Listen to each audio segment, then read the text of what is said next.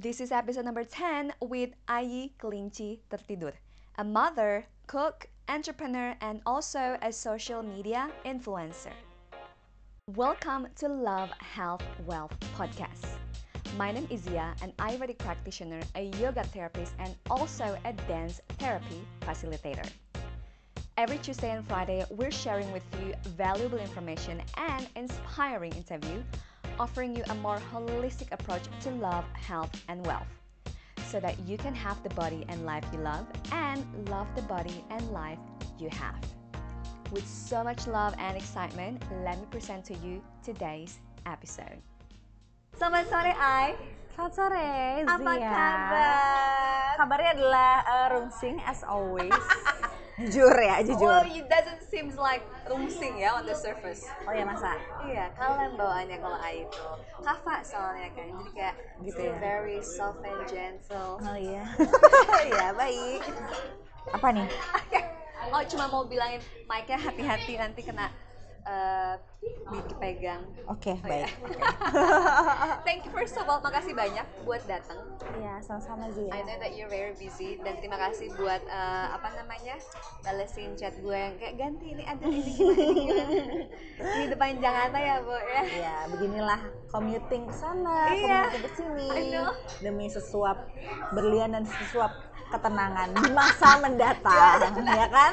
That is so interesting karena gue biasa di Ubud, gue baru pindah Jakarta belum lama kan. Di Ubud tuh kayak 15 menit nyetir motor aja, Iya. itu udah jauh hitungannya. Oh gitu 15 ya. menit nyetir pakai motor ya. Iya, iya, iya. Itu tuh udah jauh banget menurut gue. Jadi kayak lo ke rumah gue, lo gue kalau di Ubud kayak ah mau ketemu lo ke rumah gue aja. Gue malas banget commuting man.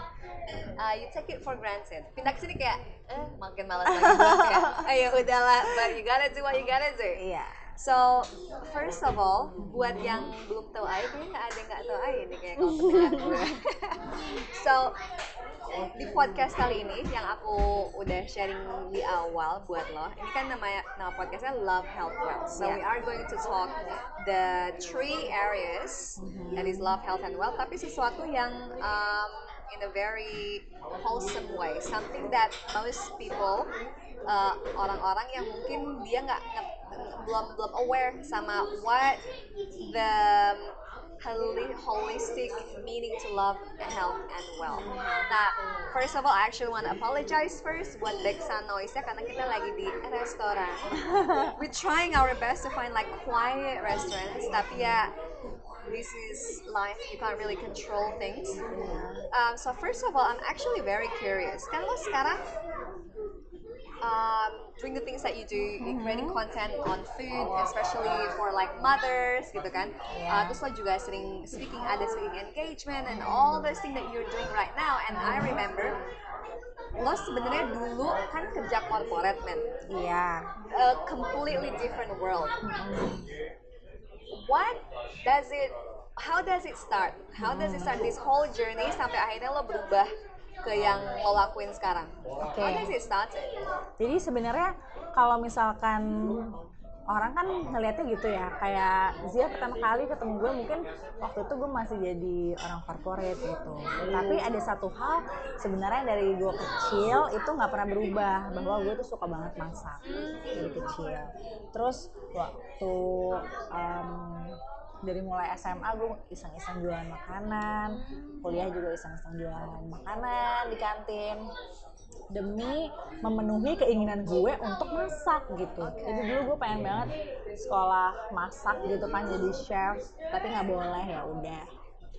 Terus pada akhirnya gue em, lulus jadi arsitek tuh kerja corporate, terus di situ iseng nih bikin makanan terus dijual. Akhirnya gue berhasil meyakinkan orang tua gue untuk keluar dari korporasi dan jualan makanan. Ya. mengejar passion gue memasak itu. Ya udah deh terus ya udah deh sampai sekarang gue masak sampai sekarang. Tapi hmm, mungkin kalau orang-orang yang udah kenal gue dari kecil tahu kalau sebenarnya gue tuh emang orangnya seneng hal-hal yang kreatif. Jadi makanya yang gue lakuin sekarang juga exploring uh, tentang kreatif konten khususnya di uh, bidangnya tuh di yang ada hubungannya sama makanan ada hubungannya sama dunia kesehatan dan tentunya karena gue sekarang seorang ibu jadi ada hubungannya sama parenting juga. Oh, gitu gitu. dikit gitu lah dan itu gue inget banget lo yang awalnya cerita lo bikin catering buat temen-temen lo. Tuh awalnya nggak sengaja kayak ya Ya. udah bikin aja. Tiba-tiba banyak banget uh, interest. Mm, dan lo ya udah gue lakuin ini full time. Now another question that I wanna ask then. Karena sebenarnya kan banyak banget orang yang juga sebenarnya kayak gitu kan? Ya. yang kayak oke gue stuck di corporate world terus mereka sebenarnya punya panggilan tertentu. Sebenarnya udah ada sign sign ya kalau ngomong sign dari universe gitu kan? Ya betul. Tapi banyak orang nggak cukup berani buat mendengarkan panggilan itu gitu Mm-mm. and they still stuck stuck in that 9 to 5 Iya. world Hmm. for you kalau bisa ngasih tips nih dari pengalaman lo pribadi apa yang lo lakuin atau mungkin ada kejadian sesuatu apa yang bikin lo bener-bener kayak oke gue siap buat ngelepasin ini Oke, jadi uh, kan gue ini hidup sebagai kushan dari Arfani Dewi ini kan mungkin cuma sekali. Mungkin di kehidupan mendatang pernah mengambil kesempatan untuk diri gue sendiri. Iya. Jadi waktu itu ketika gue umurnya berapa ya waktu itu ya? Mungkin kayak 26 kali ya pada waktu itu. Gue berpikir, oke gue mau coba untuk uh, sekali-sekali mengambil kesempatan untuk mengikuti kata hati gue yang nggak pernah gue ambil. Tapi waktu itu gue pernah bilang, "Eh, gue berjanji kalau gue akan mencobanya satu tahun. Kalau satu tahun tidak berhasil, gue akan kembali lagi ke corporate life. Ya udahlah nggak apa-apa lah. Toh juga kayak gue masih bisa deh kayaknya ngelamar kerja lagi jadi property consultant Iya. pada waktu itu. Gitu. Tapi ternyata setelah gue terjun, setelah udah satu tahun, ternyata emang nggak tambah mudah. Challenge-nya memang tambah Wow. tapi yang setahun ini bikin lo oke gue bisa stay Nah. dan saat lo waktu gue eh, nah memang yang tadi gue bilang itu nggak jadi ta- ternyata nggak tambah mudah nih setelah udah setahun. Tapi ternyata gue merasa diri gue itu lebih berarti ketika gue melakukan ini. Wow ketimbang dulu ketika gue jadi property consultant. Kayak gitu. Gue tahu bahwa apa yang gue kerjakan itu ada orang yang merasakan manfaatnya secara langsung. Iya.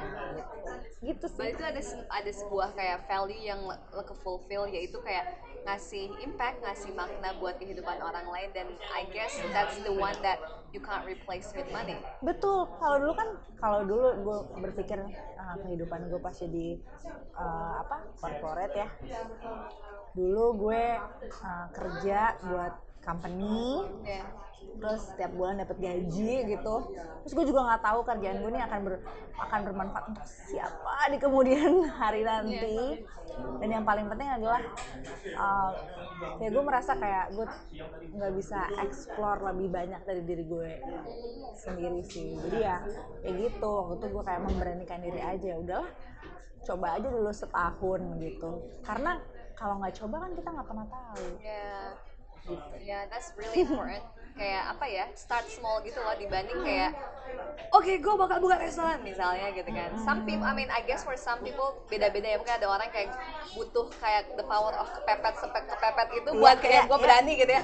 Um, for some people kayak masih harus ngerasa oke gue at least masih ada possibilities buat let's say jump lagi karena itu kan ngasih lo ngerasa nyaman dan aman juga kan meskipun lo exploring something new gitu kan Hmm. ini gue inget banget sama satu hal yang um, salah satu mentor gue sering bilang adalah we can only go as far high as how far our roots goes down kayak Mm-mm. pohon itu cuma bisa tumbuh tinggi banget ya kalau si akarnya juga dalam gitu betul So in this case is like by explore to explore something new gitu kan. Mhm. Um, penting banget buat ngerasa nyaman dan aman gitu kan. Karena kayak apa ya sesimpel kayak oke gua explore new place tapi kalau misalnya ada apa-apa gue masih tetap ada kayak safe pad buat landing gitu kan itu kan buat tiap orang subjektif gitu kan dan ini in this case ya mungkin buat lo kayak gue masih bisa kok um, apa balik lagi ke kerjaan kayak gitu kan Iya, dan kalau gue mau menceritakan lagi lebih lanjut lagi tentang safety landing yang tadi Zia Iya. cerita, kalau dulu kan awalnya gue bikin catering, sekarang gue ngerjain konten, Iya. ngerjain strategik apa marketing buat brand gitu. Iya. Kan itu juga kan juga sebuah sebuah yang berbeda Iya, iya. pada walaupun pada satu lingkup yang sama semua ngerjainnya dalam payung healthy lifestyle gitu kan jadi gue nggak menerima tuh kayak kalau Hmm. misalkan ada mau endorse nih oh ada pewarna oke dah gitu Yeah. oh susu formula oke dah gitu kan Iya iya iya. Nah, Ngomongin susu formula kita obrolin ya. Iya, tapi eh, ada satu hal yang di mana waktu gue waktu gue tahun berapa tuh ya 2014 saat saat itu gue atau 2015 ya gue keluar dari corporate life terus jadi mau full time ngerjain apa yang gue pengenin Iya. Di saat itu gue ketemu banyak sekali orang-orang Hmm. banyak sekali orang-orang di perjalanan gue itu ya yang ngajarin yang ngajarin gue juga banyak banget hal Iya. dan sampai sekarang gue udah alhamdulillah udah dikasih kesempatan exploring lebih banyak hal lagi dan orang-orang itu termasuk Zia Oh, tahun ya ada boy. Zia ada Max ada Helga orang-orang itu tuh dan macam-macam sebagainya itu yang selalu gue anggap itu safety landing dan akan kayak kalau gue kayak balon gue tuh nggak akan Terbang. terbang lepas ke mana-mana karena gue tahu sebenarnya roots gue tuh di situ Ya. gitu itu sih Good. So in this case, kalau orang mungkin safety landingnya punya duit, punya apa gitu kan. Mm-mm. For you, it's like supportive friends. Mm-mm. Kayak orang yang kayak kita ada tetap di sini kok. Mau lo explore dunia apa pun, kita bakal tetap ada di sini buat lo. Iya dan mereka itu adalah selalu yang mengingatkan gue kalau misalkan mungkin gue kan sebagai manusia biasa kadang suka keblinger hampir hampir keblinger tergoda oleh silaunya formula, dunia enggak untungnya un- silaunya dunia gitu kan gue selalu ingat lagi tujuan gue kenapa pertama kali gue di sini Iya. itu kalau kalau melihat si safety landing tadi gue tadi Yeah. itu That's a really good point karena hidup di Jakarta banyak godaan men. aduh Maksudnya gue baru di sini berapa bulan ya, tapi gue udah ngerti banget. Uh, ya, gue ngerti gak bisa gue lama-lama di sini like it's it makes it can easily make you goes mad. Hmm. Kayak um, I just went to a fashion show earlier, terus gue Hmm. kayak I can if I have money for example, or bahkan kalau gue gak punya duit pun, jadi gue kayak oh I need the money, I need the money to buy this so that this and that is just But I guess like kalau kita nggak lagi-lagi yang lo bilang kalau kita nggak clear tentang apa tujuan kita, siapa Oh. kita itu gampang banget ke sway. And I guess that's a Iya. problem. Banyak orang nggak tahu siapa dirinya Mm-mm. dan kenapa mereka di sini gitu. Iya, uh-uh. Jadinya akhirnya dicekcokin apa sama media, suruh beli apa gitu, di brainwash pakai marketing apa, they just buy because they thought that's the key to happiness. Tapi ternyata kayak, hey happiness siapa? Ternyata bukan happiness lo kan. Iya, betul That sekali. is so so good. So in this case, um, apa namanya beruntunglah orang-orang yang punya teman yang supportive. And I guess that's your good karma. in that case, karena kayak beneran, maksudnya kayak ada orang-orang yang kayak they just unfortunately teman-teman di sekitarnya ya toxic gitu kan. For me like um, gue beruntung banget teman-teman gue supportive banget. Contohnya saat gue separated sama mantan suami gue, Hmm.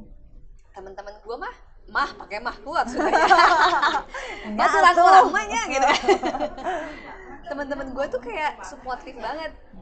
Cuma bibi-bibi gue yang ya Indonesia banget yang Iya. mereka nangis gitu kan. Of course my friend is like sad about it. Tapi kayak kalau lo ngerasa ini uh, apa jalan lo if you feel right then they're very supportive. And I found that very easy to process this. Karena kebanyakan orang pasti kayak lo ngapain sih?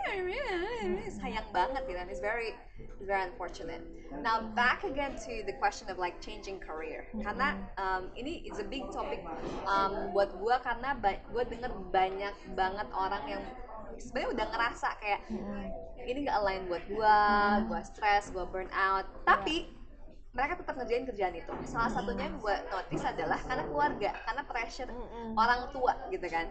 Uh, tadi kita juga ngomongin di depan tentang kayak how um, one of our desire very common adalah buat membahagiakan orang tua kita kan. Nah itu kayak normal banget apalagi sebagai orang Asia gitu kan yang sangat komunal gitu kan. Iya. di sisi ini in your experience was your parents supportive or is your parent was your parents are the kind of parents yang lo harus kayak nge-proof kayak harus kayak convincing mereka sedemikian rupa supaya kayak oke ya lo boleh keluar. Is that make sense? Ya ya intinya kalau keluarga gue itu ah, pasti yang kedua seperti tipikal ya kebanyakan tipikal kebanyakan orangnya karena gue merasa dari dari SD tuh gue selalu gue udah dijurusin gitu. Hmm. nanti S- masuk SMP ini masuk SMA ini ntar kuliah di sini. Hmm. kayak gitu. Jadi udah eh, penjurusan mah udah dari kecil gitu kan. Penjuta jurusan iya. Em, tapi gue belajar bahwa eh, apa tuh? Oh ya tapi dalam perjalanan ini gue belajar bahwa ternyata kita tuh nggak bisa selalu menyenangkan orang lain termasuk orang tua kita sendiri. Gitu. Kita untuk untuk menyenangkan orang lain itu baik Iya. tapi kita harus pikirin diri kita sendiri gitu. Gitu.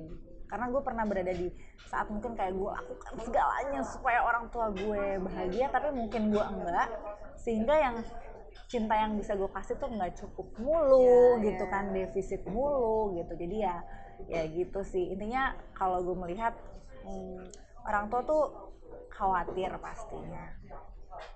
Eh, takut anaknya kenapa-napa takut anaknya nanti jatuh miskin misalkan nggak bisa bertahan hidup gitu Oke kan, di Jakarta nggak punya duit dai kamu. Iya ditipu orang kayak gitu sih kayak gitu. Jadi sebenarnya ya itu memang pintar-pintarnya kita untuk bisa eh, berkomunikasi Iya. tapi it- tapi satu hal yang gue pelajarin bahwa kita ternyata tidak bisa selalu menyenangkan orang lain dan Iya. itu nggak apa-apa ya ya gitu That's a really good point. Ada uh, salah satu mentor gue sering bilang bahwa whatever we do, we always split the world. Maksudnya kayak kita selalu membagi dunia, apa pun decision kita, selalu ada orang yang setuju, selalu orang yang enggak gitu kan.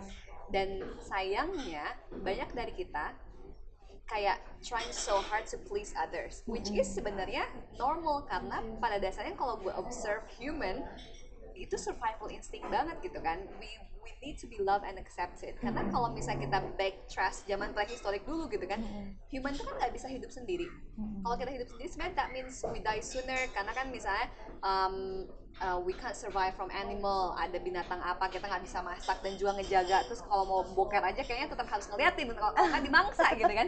Iya. So it's very wired in our brain that to survive means we live in community. Terus apalagi di Indonesia yang sangat komunal gitu kan, kalau misalnya lo nggak diterima sama society lo, it's it means many things including losing your job gitu kan. Makanya sesimpel kayak kenapa kita pakai make up, kenapa kita dress up in certain ways, is because we need that approval. Iya. Tapi kemudian kita lupa kenapa we do that in the first place, why we need that approval of others. Malah jadi kayak stuck in the loop of doing things karena orang lain dibanding kayak oke gua ngelakuin ini ada batasannya sama in a way that is still authentic to me. Iya. Jadi kayak kayaknya apalagi hidup di Jakarta yang kayak it's it's just all the things that you see on the surface kayak apa yang lo pakai, kerjaan lo apa, itu tuh kayak sangat Itu penting. penting Iya, banget. penting banget. Karena sesimpel kayak kalau lo salah pakai makeup dikit, that means people will think certain way. Mungkin ngefek ke apa yang bos lo mikir kalau kerja corporate gitu kan. Terus mungkin ada risk you lose your job, meaning you lose money, meaning you might not be able to Iya. live. Nah ini terus kemudian related sama lo sekarang kan sebagai orang tua kan. I wonder like how you gonna like um, apa namanya? Me bingung kan bahasa Indonesia meraise. Apa meraise? Membesarkan. Membesarkan maaf ya bu membesarkan anak lo as you have these experiences. Hmm. would Iya, you iya. still like your parents? Of course not tapi kayak lo udah kebayang gak sih? Kayak nanti gue gimana ya menyala Hmm. Iya ya. Kalau untuk mengajarkan hal itu ya, ya mungkin sebenarnya kalau misalkan hidup di em, Jakarta emang mau nggak mau ada beberapa hal yang harus jadi kayak apa ya standar bertahan hidup ya Iya, kan iya, iya. standar bertahan hidup tapi yang yang apa namanya yang konsep ya konsep yang gue pengen nyala itu pelan-pelan paham adalah eh, apa ya mengenal dan percaya sama dirinya sendiri dulu gitu karena gue lihat banyak sekali mungkin anak-anak yang em, tumbuh dari terlalu banyak arahan dari orang tuanya Iya. sama mereka juga bingung mereka ini siapa Iya. mereka tuh sukanya apa mereka maunya kayak gimana sehingga ntar nanti di masa dewasanya orang tuanya tambah bingung lagi Iya. gitu kan. Jadi hmm, jadi sekarang dari kecil gue berusaha untuk menghargai kalau nyala udah bikin satu keputusan. Selama tidak selama masih aman maksudnya tidak membahayakan jiwa gitu ya nggak masalah. Misalkan dia pengen pakai piyama ke mall ya kan? Itu kan tidak membahayakan Iya, jiwa iya, iya. ya kan?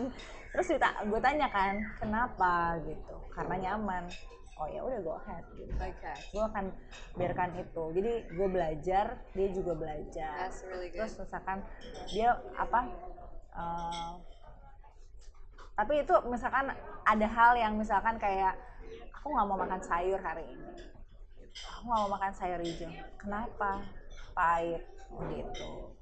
Nah instead of eh, gue Makan bilang lo. yang kayak ayo makan dong. Kok nggak dimakan sih sayurnya? Gitu Iya. kan. Nah gue akan rubah jadi kalimat pertanyaan. Menurut Nyala kenapa kita butuh sayur hijau? Wow. jadi memang itu butuh effort ya. Sabar jadi kan ya, lama.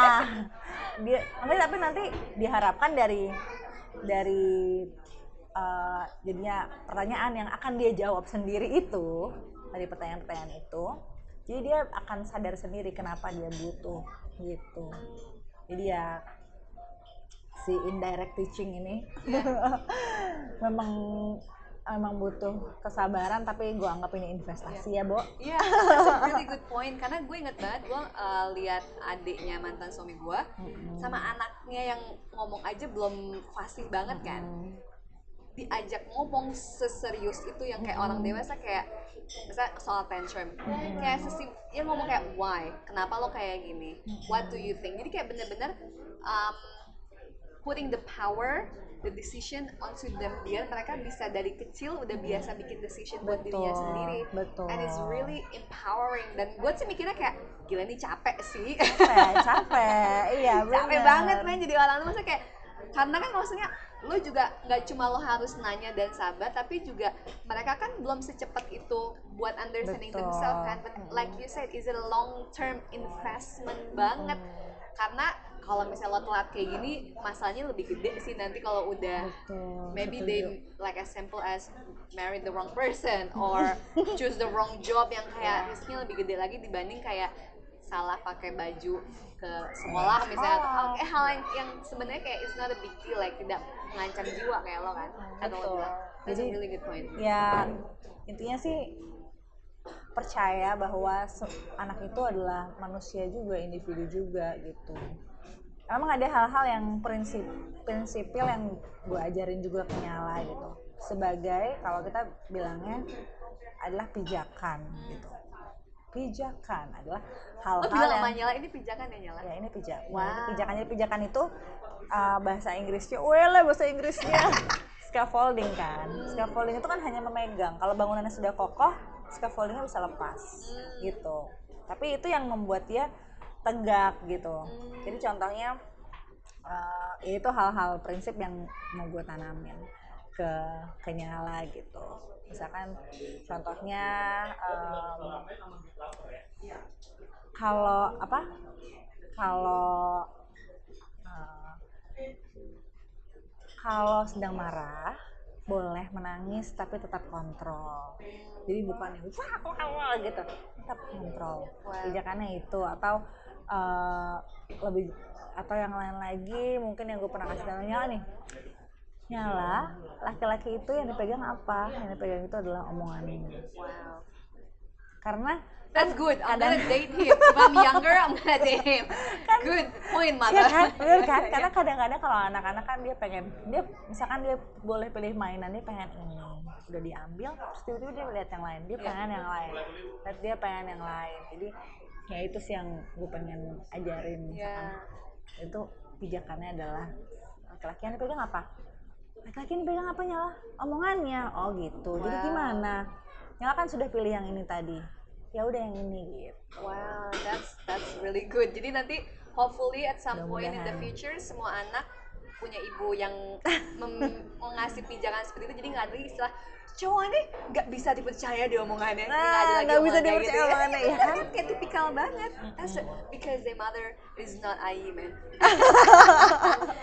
I'm curious, where is this from? Si pijakan ini hal-hal yang lo ajarin sama Nyala, lo terinspirasi dari apa sih nih? Jadi ceritanya dulu, oke, dulu waktu gue mau melahirkan Nyala, itu dalam waktu dua minggu itu gue ketemu banyak sekali orang. Eh, ini memang memang nyala sih kayaknya yang menuntun gue untuk mau Yeah. bertemu sama orang-orang Yeah. ini gitu. Jadi awal dari awalnya tuh gue udah disuruh melahirkan secara seksual karena gue ada miom tapi tiba entah gimana dokternya salah ngitung usia kandungan terus gue cari second opinion sama si dokter second opinion ini jadi waktu itu tuh libur Natal sih ya hanya ada satu dokter Wow. yang buka lalu dokter ini ternyata salah satu dari dua dokter yang tiga tahun lalu itu sangat pro gentle birth. Dari ketemu sama dokter ini akhirnya gue ketemulah sama dula gue gue ketemu sama orang-orang yang orang-orang yang uh, sebagai gentle birth practitioner di di sini gitu. Terus udah gitu pun ketika gue mau lahiran pun gue ma- masih waktu itu ketemu Zia kan untuk nanyain apa namanya nyala mesti namanya apa itu kan waktu waktu uh, mau lahiran waktu itu dihitungin karmanya Nah, ketika gue udah lahir, anaknya udah ada nih, gue berpikir bahwa filosofi gentle birth itu sangat indah sekali gitu. Bagaimana untuk membesarkan anak ini gitu kan? Gentle parenting tuh kayak gimana sih sebenarnya gitu? Nah, abis itu entah gimana, gue juga dipertemukan juga dengan uh, orang-orang yang ngajarin gue tentang uh, gentle parenting Wow. mungkin sebenarnya namanya bukan gentle parenting tapi gue itu gue yang labelin sendiri iya. karena menurut gue align sama Iya, si iya. gentle birth Iya. itu gitu jadi ini adalah satu workshop di sekolahnya nyala sekarang sebenarnya yang ngajarin gue hal-hal Wow. seperti itu tentang membesarkan anak tuh kayak sesuai dengan fitrahnya dia Iya. jadi banyak orang tua mungkin membesarkan anak tuh kepengen biar anaknya jadi seperti yang dia mau Iya. tapi nggak sesu nggak sesuai dengan sebenarnya Individualitas anaknya itu. individual anaknya tuh kayak gimana sih anak tuh pengen pengen di uh, di nurture dalam dengan cara seperti Iya. apa gitu fitrahnya tuh seperti apa gitu dari situ sih iya. sebenarnya That's a really beautiful point. Karena kayak um, yang sering gue dengar adalah anak itu adalah titipan ilahi ya. Terus karena titipan, gue harus jaga. Gue harus bener-bener ngekontrol itu karena titipan. Instead of ini titipan is not even mine. The baby, the child is not mine. Dan karena itu mereka punya individualitasnya masing-masing. I'm here to only guide them. Iya. Itu kayak apa awareness yang masih jarang banget instead of like let me just apa menjaga fitrahmu gitu kan. Tapi kayak Iya. I'm gonna make you like what I think is best because you karena kamu dititipkan buat, buat saya. aku. Iya kan katanya anak itu adalah kertas putih. Tapi gue tuh nggak setuju. Karena menurut gue kertas putih juga kertas apa dulu nih? HVS, Concord, apa gitu. Karena semua semua anak arsitek beda ininya perumpamannya gitu kan. Karena, analoginya beda. karena beda. Semua anak itu pasti beda gitu kan. Dan nggak ada yang namanya kertas putih tuh nggak ada. Pasti dia akan menyerap. Dia aja 9 pu- bulan di perut gue gitu kan. Dia kan denger tuh gue ngomong sama Zia gue ngomel-ngomel atau gue makan apa dia ikut juga merasakan. Iya, iya, jadi nggak mungkin dong dia terlahir kertas putih doang. Iya. nah pasti kan ada teksturnya kertasnya Iya. kayak ada wanginya kayak gitu sih That's a really good analogy. Bahkan kalaupun misalnya kertas kosong, kertas putih tuh kayak oke bahannya apa? Itu lagi-lagi kayak individualitasnya masing-masing beda. Ada yang lebih fragile, ada yang mau going through very difficult things dari kecil terus dia udah kayak kuat gitu kan that's a beautiful analogy Ah, coba dengarkan calon ibu ya so next one is like I'm curious at the beginning we're talking about um, soal kerjaan perpindahan kerjaan nih kan Iya. um, now you're already like doing the content creation kan full time Iya. um, nggak catering lagi kan Hmm, gue akan memulai lagi Oke. 2020 sebenarnya. Ini ini akhirnya bocor deh. Eh, ini keluar 2020 kok santai iya, aja iya, oke oke. keluar lagi oke akan- that's interesting Uh-uh. and then um, what I want to like ask first is like yang berhubungan sama jadi quote unquote influencer now everyone wants to be influencer nowadays dan kita kan hidup di Jakarta tadi kita ngomongin di awal tentang kayak bagaimana banyaknya godaan hidup di Jakarta gitu kan. Iya. how you keep your authenticity dengan kayak balik ke niatan lo buat ngebantu orang kan? Um, how can you give that like um, apa namanya makna di hidup orang lain? At the same time kita kan hidup di kota yang kayak lo butuh cuan ya men. Iya. how you balance that? Kayak tadi kan lo bercanda di awal tentang kayak enggak gua nolak ada pewarna enggak ada ini enggak gitu kan. Iya. but like that's where the money big money comes from. So like sejauh ini mungkin selain teman-teman gitu kan yang kayak ngingetin lo gitu kan what else what other things yang bikin lo kayak um, stay to your authenticity? Oke, jadi gue selalu bilang kalau dalam dalam kategori KOL parenting atau KOL moms mungkin gue itu uh, nggak cuan karena gue apa apa nggak bisa. Udah gitu, jadi kalau misalkan ada yang mau uh, apa placement, gue lihat dulu kan ini apa nih apa namanya brandnya apa ada pewarna oh sorry nggak bisa gitu terus um, misalkan ada pengawet aduh nggak bisa susu formula yang paling gede cuannya nggak bisa juga Iya. apalagi lo target ini banget men buat gitu kan Iya kan, mereka pasti ngincernya yang healthy living kayak Iya. gitu-gitu. Gitu. Tapi kalau memperhatikan sih ya, kenapa sih gue selalu ngerip? Ya nggak selalu sih tapi mungkin ada juga yang sering kelewat tapi kayak gue sering banget nge-repost orang-orang yang nge-recook masakan gue. Nah itu karena sebenarnya itu adalah uh, hal-hal kecil yang selalu gue syukuri setiap hari dan yang membuat gue terus tegak tuh ya mereka-mereka itu gitu. Karena sebenarnya waktu gue gue mulai jadi content creator mungkin dua tahun yang lalu ketika catering gue tutup ya waktu itu gue bikin konten. Gue berpikir uh, zaman dua tahun yang lalu kan lagi wah hits banget nih go food gitu kan. Orang tuh gampang banget dapetin makanan um, dan kita tuh dikepung dengan banyak hal yang gak sehat Iya. gitu. Mulai dari mana sih harusnya? Nah mungkin hal yang paling tersimpel adalah mulai dari kita bikin makanan kita sendiri sehingga kita tahu apa aja sih yang mau kita masukin ke tubuh kita nah membuat ibu-ibu balik lagi ke dapur itu menurut gue kalau sampai ada ibu-ibu yang akhirnya terjun ke dapur dan ngerikuk masakan gue itu adalah sebuah hal yang sangat membahagiakan Iya. dari gue dan itu yang membuat gue tetap apa ya mempertahankan yang bikin gue tetap eling sama tujuan Iya. gue di awal gitu Iya. karena oh ada nih orang-orang yang Iya. yang apa namanya ternyata akhirnya tergerak setelah lihat Iya. konten gue gitu terus misalkan ada orang yang cerita atau nggak ngirim video anaknya makan masakan yang dia habis dari Riko dari gue gitu nah itu yang yang bikin gue nggak akan tega untuk ngambil uh, hal-hal yang di luar mereka iya kepercayaan mereka karena itu kepercayaan mereka dan gue pasti akan apa uh, ngecewain mereka juga. Iya. jadi ya menurut gue sih ya nggak apa-apa. Nggak jadi KOL nggak cuan tapi harus berkah